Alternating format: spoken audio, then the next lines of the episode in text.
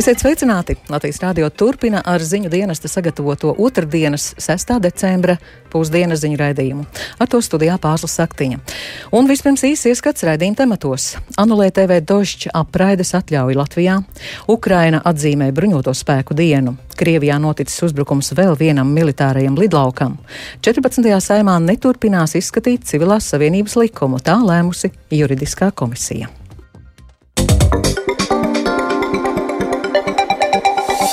Nacionālā elektronisko plašsaziņas līdzekļu padome anulē TV dožģa apraides atļauju. Tā šobrīd ir karstākā ziņa, materiāls par to vēl top un par to stāstīsim vēlāk. Tikmēr Krievijas karaspēks turpina raķešu uzbrukumus Ukrainai. Vakar bija kārtējais plaša mēroga uzbrukums. Latvijas radio korespondente Indra Sprānce atrodas Kijavā un šobrīd pievienojas mums tiešraidē. Labdien, Indra! Labdien! Uh, Intra, lūdzu, pastāsti, kādus postījumus nodarīja vakardienas masīvie uzbrukumi? Jā, Krievija vakar izšāva vairāk nekā 70 raķetes pa infrastruktūras objektiem visā Ukrainā, un vairāk nekā 60 no tiem Ukrainas gaisa spēkiem izdevās notriekt. Taču pārējās ir nodarījušas būtiskus postījumus, un, un tos patiešām var raksturot kā nopietnus. Amatpersonas šorīt ziņoja, ka Kīvas apgabalā aptuveni 40% lietotāji palikuši bez elektrības, tāpat elektrības un ūdens padeves pārāvumu bijuši Žitomirā un arī citvieta Ukrainā. Ukrainas energoapgādes uzņēmuma vadība ziņoja, ka uzbrukumi nodarījuši ievērojams postījums gan elektrostacijām, gan arī apakšstacijām. Taču situācija tiek kontrolēta un apgādes normalizēšanai varētu būt nepieciešama viena vai divas dienas.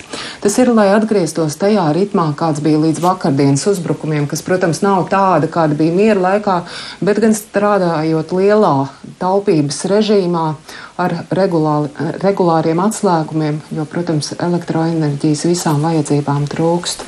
Inra, tu esi Kievā un tev ir iespēja vērot pilsētnieku ikdienu.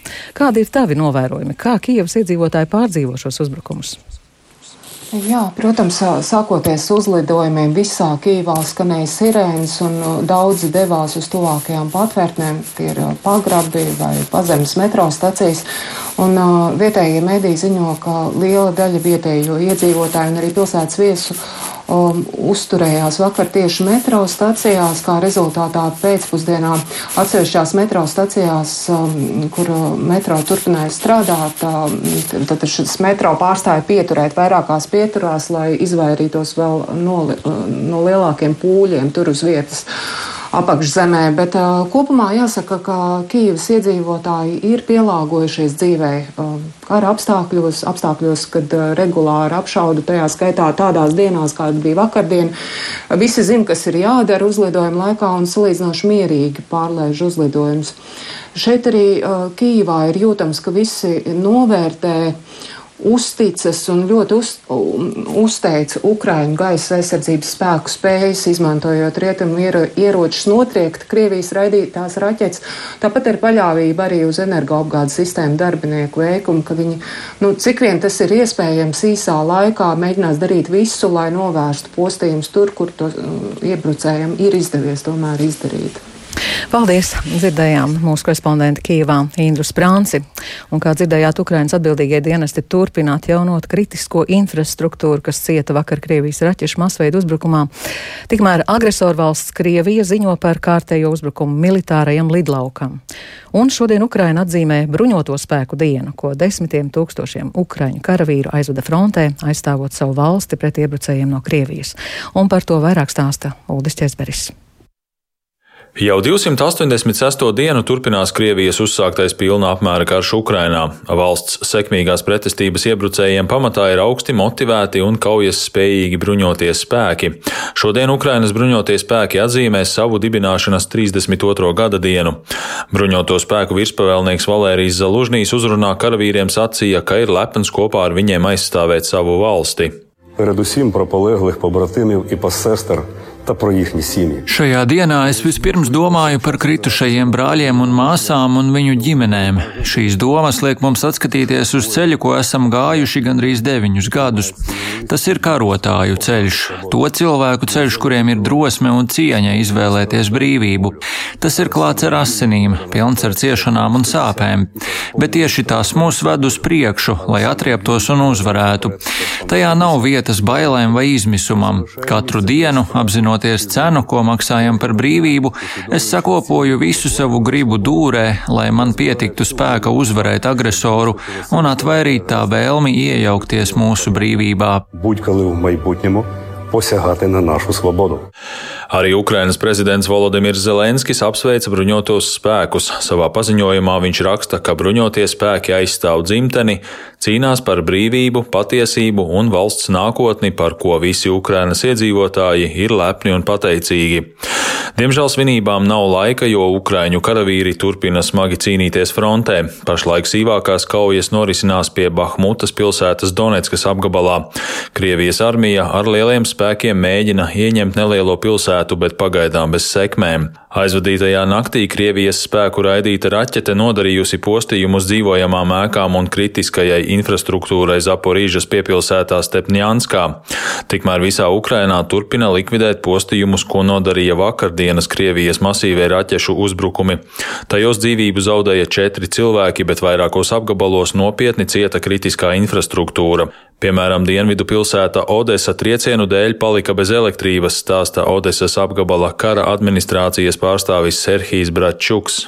В городе перестал ходить муниципальный транспорт, Tramvaji, trolēbusi. Pilsētā nekursēja tramvaji un trolēbusi. Cilvēkus vajadzēja pārvadāt ar maršrutu, taksometriem un autobusiem. Darbu pārtrauca katlu mājas, jo nebija elektrības. Tas pats notika ar ūdensapgādes stacijām. Mūsu enerģētiķi strādāja visu nakti. Elektroapgādes atjaunošanas darbi vēl turpināsies. Atsevišķiem dzīvojamiem rajoniem pakāpeniski atjauno ūdens piegādi. Mēs pilnībā kontrolējam situāciju. Tā ir smaga, bet ne kritiska. Она тяжелая, но она не критическая. Krievijas rietumu pilsētā Kurskā šorīt noticis lidrobota uzbrukums lidlaukam, paziņoja Kurskas apgabala gubernators Romāns Staravoits. Trieciena rezultātā aizdegusies degvielas uzglabāšanas tvertne un notikuma vietā vairākas stundas strādāja ugunsdzēsēji. Nav ziņu par cietušajiem. Mediji vēsta, ka kopš 24. februāra, kad Krievija iebruka Ukrainā, šo lidlauku izmantoja tikai militārās lidmašīnas. Vakar dronu uzbrukumi notika Krievijas gaisa spēku bāzē bāzei Saratovas apgabalā un militārajam lidlaukam pie Rjazaņas. Uzbrukumos nogalināja trīs karavīrus, bet četrus ievainoja. Krievijas aizsardzības ministrija abos uzbrukumos apsūdzēja Ukrainu. Savukārt Ukrainas aizsardzības ministrija atteicās komentēt incidentus Krievijas teritorijā. Uldis Česberis, Latvijas radio. Pievēršamies notikumiem Latvijā. Saimnes atbildīgā komisija lēma šajā sasaukumā neturpināt darbu pie civilās savienības likuma. Tas nozīmē, ka deputāti nelems par likuma projektu, kas aizsargātu visu ģimeņu tiesiskās attiecības. Un pat no saimnes komisijas atgriezusies Linda Spundiņa, kas pievienojas studijā, lai stāstītu par šo lēmumu plašāk. Sveika, Linda! Sveika, pāris labdien, klausītāji! Kāds bija komisijas balsojums un argumenti neturpināt skatīt šo likuma projektu? Jā, nu kā jau minēja, 14. saimas juridiskā komisija lēma neturpināt skatīt civilās savienības likuma projektu šajā sasaukumā. Te gan jāatgādina, ka 13. saima šo likuma projektu pagūs skatīt divos lasījumos, kas nozīmē, tas jau tuvojās pieņemšanai. Deputātiem un pieaicinātajām personām bija daudz jautājumu likuma projektu autorei, Tieslietu ministrijai. Diskusijas bija salīdzinoši plašas, daļa deputātu norādīja, ka likuma projektu ir jāturpina skatīt, jo saimē ir jāpilda satversmes tiesas lēmums. Atgādināšu, ka pirms diviem gadiem satvērsmes tiesa atzina par neatbilstošu valsts pamatlikumam normu, kas neparedz aizstāvību un atbalstu bērna mātes partnerei sakarā ar bērna piedzimšanu. Satvērsmes tiesa atzina, ka ģimenes nav tikai laulībā balstīta savienība. Valstī ir jāaizsargā visas ģimenes gan juridiski, gan ekonomiski, gan sociāli. Un tad par šo komisijas lēmumu bija deputāti ar jautājumiem un viedokļiem izcēlās Zaļo un Zemnieku savienības deputāts Gunārs Kūtris, kas šo likuma projektu nosauca par maskētu laulību likumu. Savukārt komisijas vadītājs Andrēs Judins no jaunās vienotības norādīja, ka šis likuma projekts ģimeni neapdraud.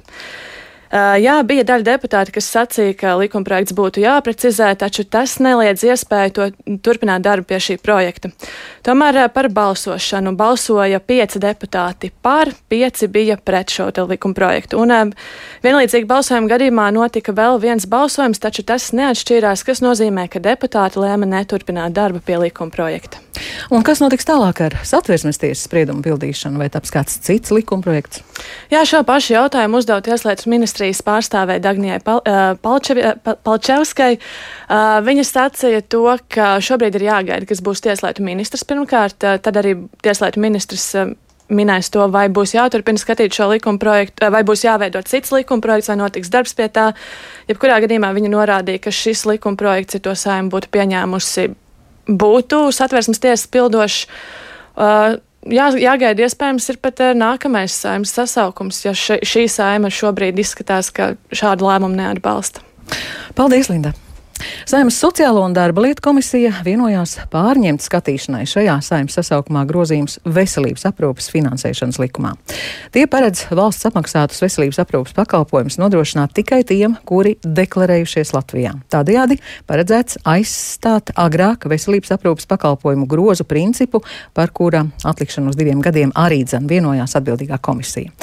Par to vairāk Jāņa Kīņša ierakstā. Grozījumi veselības aprūpes finansēšanas likumā paredz veselības aprūpi no valsts budžeta apmaksāt tikai Latvijā deklarētiem iedzīvotājiem. Tātad šīs likuma izmaiņas pēc to spēkā stāšanās liekas ārvalstīs dzīvojošiem un deklarētiem Latvijas pilsoņiem saņemt bezmaksas veselības aprūpi Latvijā. Izņēmums būtu neatliekamā palīdzība, kas jānodrošina pilnīgi visiem.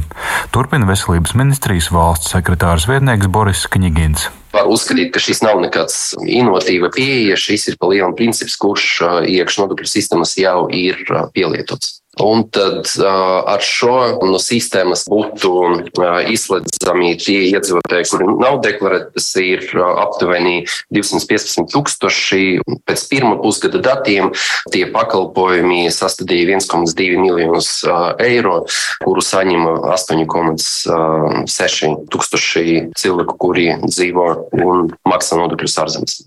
Likumprojekta anotācijā paskaidrots, ka deklarētās dzīves vietas princips ir izkristalizējies kā viens vienīgais visaptvarošais un realizējamais kritērijs, kas ņemams vērā veicot apmaksu par saņemtajiem veselības aprūpas pakalpojumiem. Pret šī principa ieviešanu balsojot par iepriekšējā saimā līdz galam neizskatītā likumprojekta pārņemšanu, neiebilda neviens saimnes sociālo un darba lietu komisijas deputāts. Ģimenes ārste un deputāta Līga Kozlovska no Zaļo un Zemnieku savienības gan izteica bažas, ka nav skaidrības, kura iestāde izvērtēs personu datus. Ja sevišķi tie cilvēki, kuriem ir šī deklarētā dzīvesvieta, pirmām kārtām arī ārzemēs, ja, tad, tad eh, NVD jau to visu nezinās. Tas nozīmē, jābūt ļoti labai datu savietojamībai, un es tiešām negribētu, kā ģimenes ārste, tas, kas šķiro un pasaka sliktās ziņas, jūs tie nesat mūsu sarakstā.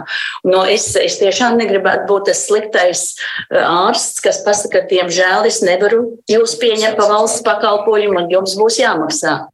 Jāatgādina, ka divu grozu princips, kura ieviešanu paredzēja jau no nākamā gada un kuru paredzēts steidzamībā atlikt uz diviem gadiem, paredzēja dalīt iedzīvotājus pamatu un pilnā pakalpojumu groza saņēmējos. Šajā principā problēmas saskatīja Tiesības sarga birojas. Savukārt likuma izmaiņas par valsts apmaksātiem veselības aprūpas pakalpojumiem tikai Latvijā deklarētiem iedzīvotājiem ar priekšlikumiem otriem lasījumam paredzēts papildināt līdz 21. janvārim. Jānis Kincis, Latvijas radio.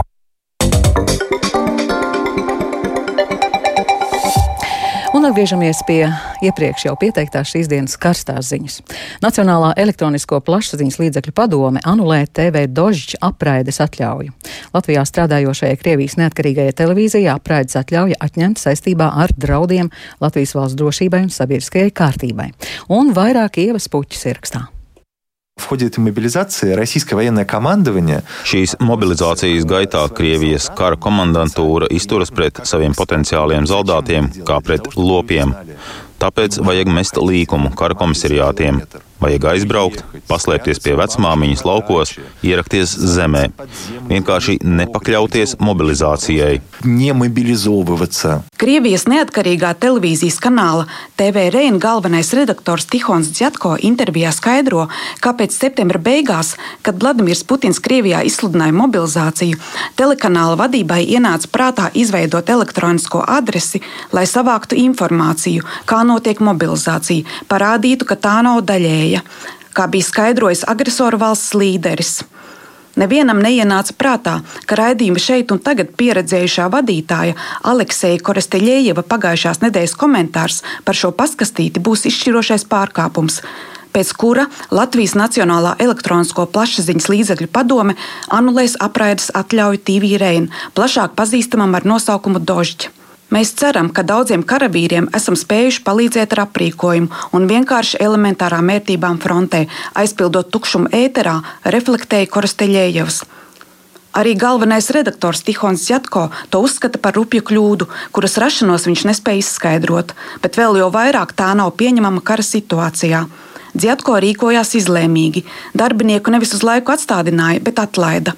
Taču Nepl pagājušās nedēļas beigās ierosināja jaunu administratīvā pārkāpuma lietu pret TV Reinu. Tas nebija vienīgais pārkāpums. Pirmkārt, eh, latviešu valodas eh, celiņa nenodrošināšanu. Pusgadu pēc viņa darbības sākšanas Latvijā šis valodas celiņš joprojām nav nodrošināts.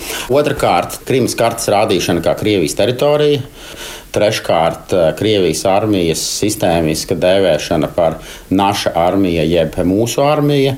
Un ceturkārt, šis pēdējais gadījums, kurā pausts atbalsts okupantu armijai. Latvija ir demokrātiska valsts, šeit ir ielaists liels skaits Krievijas mediju, bet problēmas ar Latvijas likumdošanu ir radušās tikai TV Reina, uzsver Āboliņš. Pārējiem šiem ar Krieviju saistītiem mēdījiem un žurnālistiem Latvijā nav bijušas nekādas problēmas. Tu ievēro un cieni Latvijas likumus, tu šeit vari brīvi darboties. Es tomēr papildus jautājumu, vai uz jums netika izdarīts arī liels politiskais spiediens, jo dienās pirms šī lēmuma pieņemšanas gan iesaistījās Nacionāla apvienība diskusijā, gan arī aizsardzības ministrs Artis Pabriks publiski sociālajos tīklos runāja, ka šī televīzija no Latvijas ir jāizraida. Nē, nu tvīti nav politisks spiediens. Tikmēr telekanāla vadītājs Tihons Džatko, atzīstot pārējās kļūdas, no apzīmējuma mūsu armija neatteicās arī intervijā Latvijas radio, to pamatojot šādi. Что же касается нашей армии, то здесь все очень просто. Это был риторический прием для усиления. Runājot par mūsu armiju, tas vienkārši bija retorisks paņēmiens, lai pastiprinātu apgalvojumus par pārkāpumiem, ko veic Krievijas armija Ukrainas teritorijā. Krievijas propaganda visos šajos desmit mēnešos cenšas karu Ukrainā parādīt kā mazu spēcoperāciju kaut kur tālu. Tas uz jums nemaz neatiecas. Bet mēs telekanālā Dožs Dožģu uzskatām, ka tas attiecas uz katru Krievijas pilsoni. Un mums ir svarīgi Krievijas federācijas iedzīvotājiem paskaidrot, ka tā ir mūsu armija, kas veic noziegumus Bučā un Mariupolē, bombardējot katru dienu Ukrainas pilsētas un ciemus. Latvijā strādā 40 līdz 45 TV reina darbinieku. Mazāks skaits ir Gruzijā, kura studijā arī tika izteikts kļūmīgais apgalvojums par palīdzību Krievijas armijai. Solidarizējoties ar tā autoru Korsteļējevu, no telekanāla jau aizgājuši vēl trīs citi darbinieki - Ieva Puķa, Latvijas radio.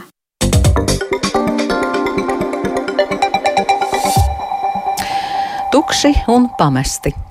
Tādi daudz vietu vecrīgā izskatās pirmā stāva skatlogi, kur agrāk bija ierīkotas kafejnīcas, restorāni un nelieli suvenīru veikali.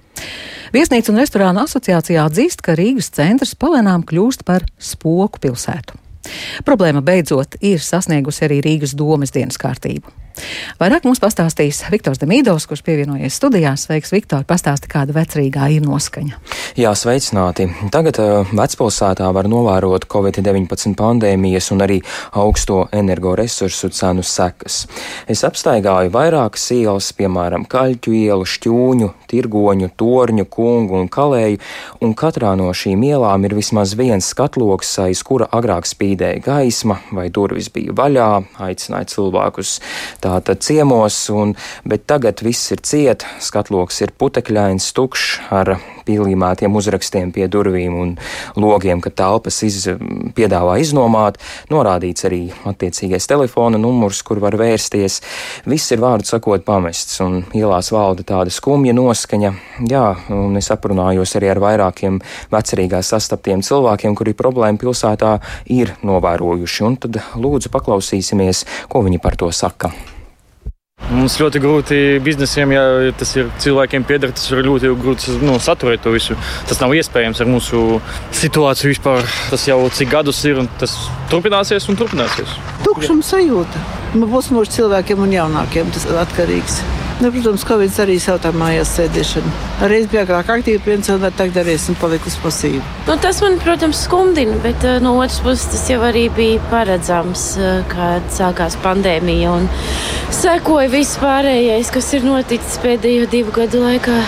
Protams, tā ir problēma kaut kādai ekonomiskai aktivitātei ir jānotiek. Katram uzņēmējam vispirms ir jādomā pašam, kā viņš šajā situācijā tiks cauri tā problēma nesākās un nebeidzās šeit, Rīgā vai pie Latvijas robežas. Tā nebeidzās. Tas ir sācies un izplatījies kaut kur krietni vēl tālāk pa visu pasauli. Un, nu, tas nav tāds lokāls risinājums, ka tagad nezinu, ekonomikas ministri iesaistīsies un īstermiņā kaut kāds risinājums piedāvās. Nu, ir tāda problēma skatīties uz to globāli, plaši. Bet kā uz problēmu reaģē Rīgas doma? Kā plāno to risināt?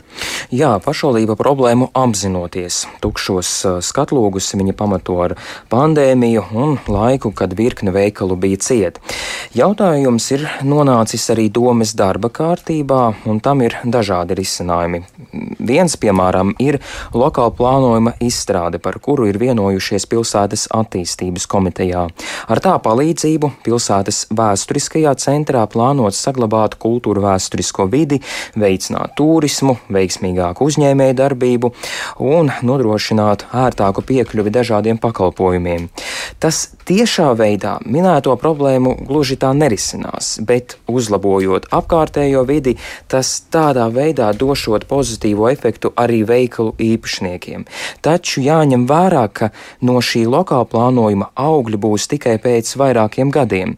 Taču, lai efektu sajustu ātrāk, pašvaldībai ir arī īstermiņa risinājumi, un vairāk par tiem pastāstīs pilsētas attīstības komitejas vadītāja Ines Andersone no Jaunās vienotības. Lielāks apjoms turistu viesu pilsētā caur dažādiem pasākumiem. Rīgas tēla veidošana ārvalstīs, aicinot braukt uz Rīgu kā galamērķi. Un nākamajā gadā noteikti dziesmu svētki būs vēl viens tāds impulss apmeklēt Rīgu un noteikti ar lielu atdevu uz pirmo stāvu. Sporta augstas nozīmes pasākumu, kas ir plānot nākamajā gadā, tāpat tās arī pozitīvus Rīgas maratons, kā tas ir noteikti mūsu interese, ir, lai šeit norisinās notikumi. Cerība ir arī prāmju kursēšana starp Rīgu un Stokholmu, kas tika pārtraukta pandēmijas laikā, bet pagaidām pozitīvu ziņu nesot, ka to var atjaunot.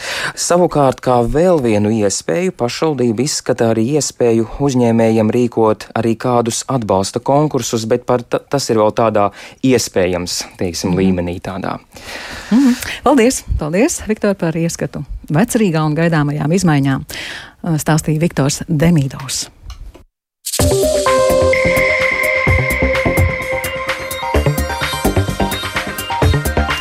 Ar to izskan pusdienas ziņu raidījums producents Edgars Kupčs, ierakstus montēja Ulris Grīnbergs, par labskaņu rūpējās Katrīna Bramberga, ar jums runāja Pārsla Saktiņa.